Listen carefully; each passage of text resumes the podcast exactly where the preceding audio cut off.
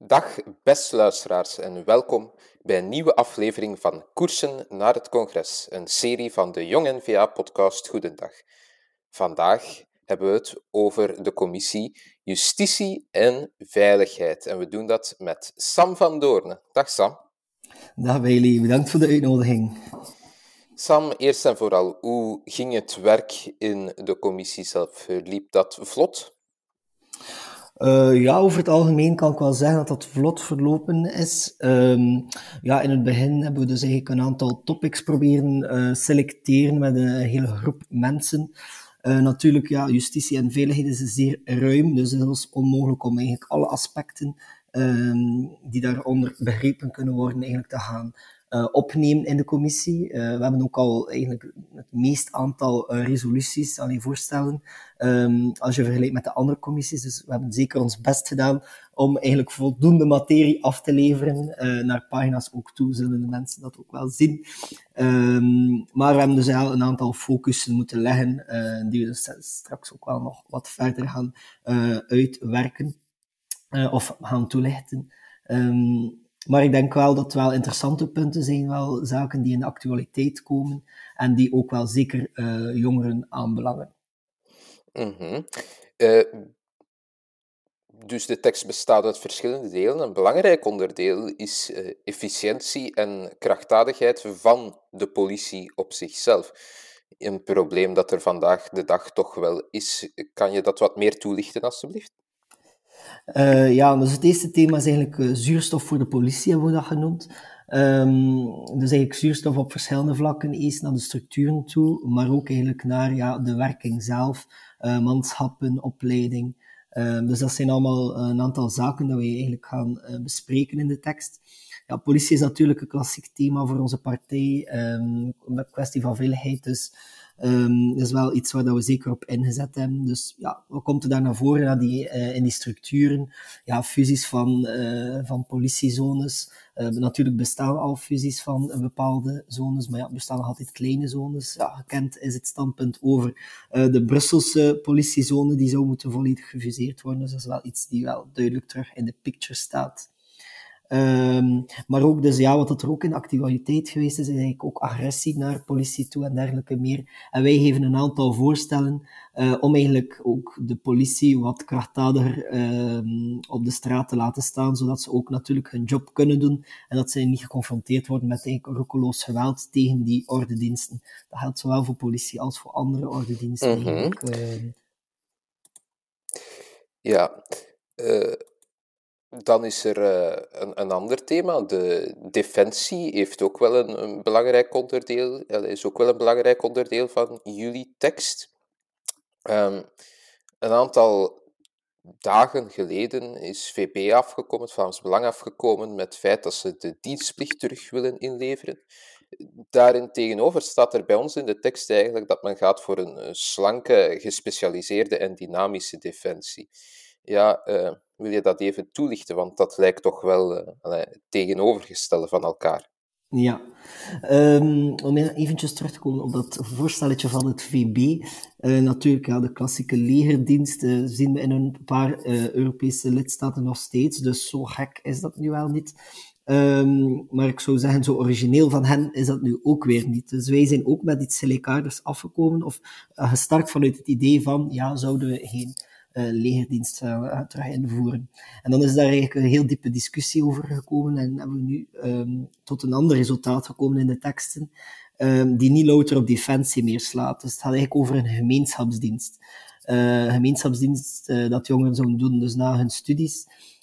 maar we noemen het een gemeenschapsdienst omdat het eigenlijk gaat om uh, zich een jaar eigenlijk in te zetten voor de gemeenschap als compensatie voor uh, wat uh, allee, de goedkope opleiding en dergelijke meer dat wij vandaag de dag in België hebben. Dus goedkope opleiding aan discount prijzen, zeg ik dan altijd. Um, maar dus ja, een, een, jaar in, in, het, uh, ja, in het licht van dus een dienst voor de gemeenschap. En dat hoeft niet alleen defensie te zijn om mensen daartoe uh, eigenlijk warm te maken. Het kan ook uh, in het verenigingsleven zijn, dus naar VZ2's toe. Um, ook eventueel bij de overheid, om dat eigenlijk ook op maat te zetten van die specifieke student, afgestudeerde student. Um, om ook natuurlijk de expertise die de persoon al uh, opgedaan heeft in zijn opleiding uh, ook wel zoveel mogelijk te benutten. En dan misschien ook wel nuttige ervaring op te doen gedurende dat, eerste jaar. Um, zeker ook wat betreft dus de knelpuntberoepen die we nu ook wel in de, in, recent in de, actualiteit zien. Uh, zien we het onderwijs, de zorg. Alleen daar, als er daar wat personen kunnen extra ingezet worden door middel van die gemeenschapsdienst, zal er misschien ook al uh, heel wat uh, handen extra um, zijn om eigenlijk ja, die, die nood op te vangen. Mm. En als ik dan even terugkeer naar uh, het tweede onderdeel, want ik had de vraag dubbel gesteld, dan is er ook nog dat, uh, dat deel van uh, een slanke en gespecialiseerde en dynamische defensie. Wat, wat willen jullie daar eigenlijk mee bereiken? Wat is het doel daarvan? Ja, inderdaad. Um, dus slank en dynamisch, waarom hebben we dat op die manier behandeld? Uh, omdat wij nog altijd een defensie hebben. Ja, nu natuurlijk niet de defensie die uh, van kwaliteit en van dynamiek van, onder, van onderuit springt. Um, en daar mogen we daar wel op inzetten. Dus we denken als, als klein land binnen Europa dat wij niet alle, in alle aspecten van defensie eigenlijk kunnen gaan uitblinken. En dat we daarom keuzes moeten maken. in aantallen kunnen we al sinds niet opboksen, bijvoorbeeld tegen een Turks leger, of al zeker niet tegen een Chinees leger bijvoorbeeld. Dus het, toenemen van manschappen op zich is eigenlijk totaal geen oplossing om eigenlijk ons, steentje bij te dragen in, in die, wereld, wereld, uh, in die NAVO-defensie, in die wereldlijke, wereldlijke defensie. Uh, zeker niet in binnen Europa ook niet. Dus um, dan dachten we, oké, we moeten vooral inzetten op uh, specialisaties, op uh, elitekorpsen, die eigenlijk ja, top of die state of the art zijn, die dus eigenlijk ook alle technische aspecten, alle ja, cyber, uh, ja, cyberwar en dergelijke, dus alle, alle nieuwe tools, uh, dat zij daarover beschikken, dat zij daar ook mee kunnen werken, dat zij daarvoor getraind zijn en dat zij dan ook in gecompliceerde operaties kunnen ingezet worden als elitekorpsen. Dus dat dat onze core business zou moeten zijn, uh, waar dat dus eigenlijk ook een heel sterk doorgedreven digitalisering zou moeten zijn, uh, met de nieuwste snufjes die ik kan bedenken. Dus dat is eigenlijk um, ja, het uitgangspunt van onze tekst. Uh, niet uh, eigenlijk kwantiteit, uh, dat kunnen we niet als klein land, maar vooral inzetten op de kwaliteit van onze defensie. Mm. Ja, ik heb dan nog een laatste vraag voor u.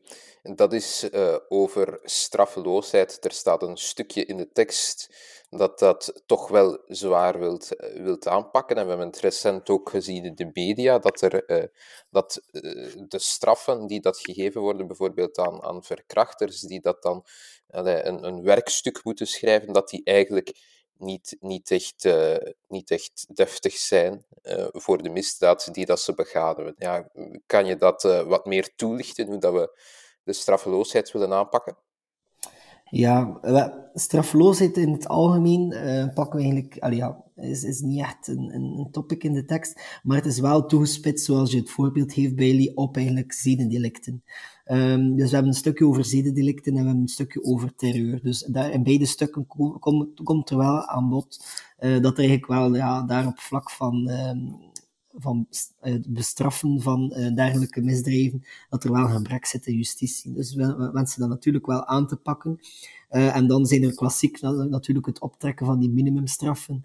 Um, om eigenlijk ja, ervoor te zorgen dat er uh, eigenlijk die lage straffen meer uitgesproken kunnen worden op dat vlak. Um, dat is natuurlijk klassiek. Uh, maar allee, uh, minister van Quickenborne is daar niet alleen in. We hebben dus ook wel nog een heel aantal andere punten. Uh, mensen zullen dat wel kunnen lezen. Die dus eigenlijk betrekking hebben tot die zedendelicten. Die ook wat, wat preventief gaan werken. Ehm, dus niet alleen repressief, maar ook dus naar opvolgen van daders enzovoort. Zowel terreur als zedendelicten.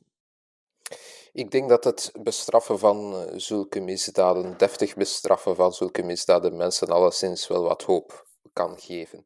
Wel, beste luisteraars, ik dank jullie om hier weer aanwezig te zijn. Ik bedank u, Sam, uh, om hier bij mij te zijn. Wij koersen verder naar het congres. Ik wens jullie nog een goede dag.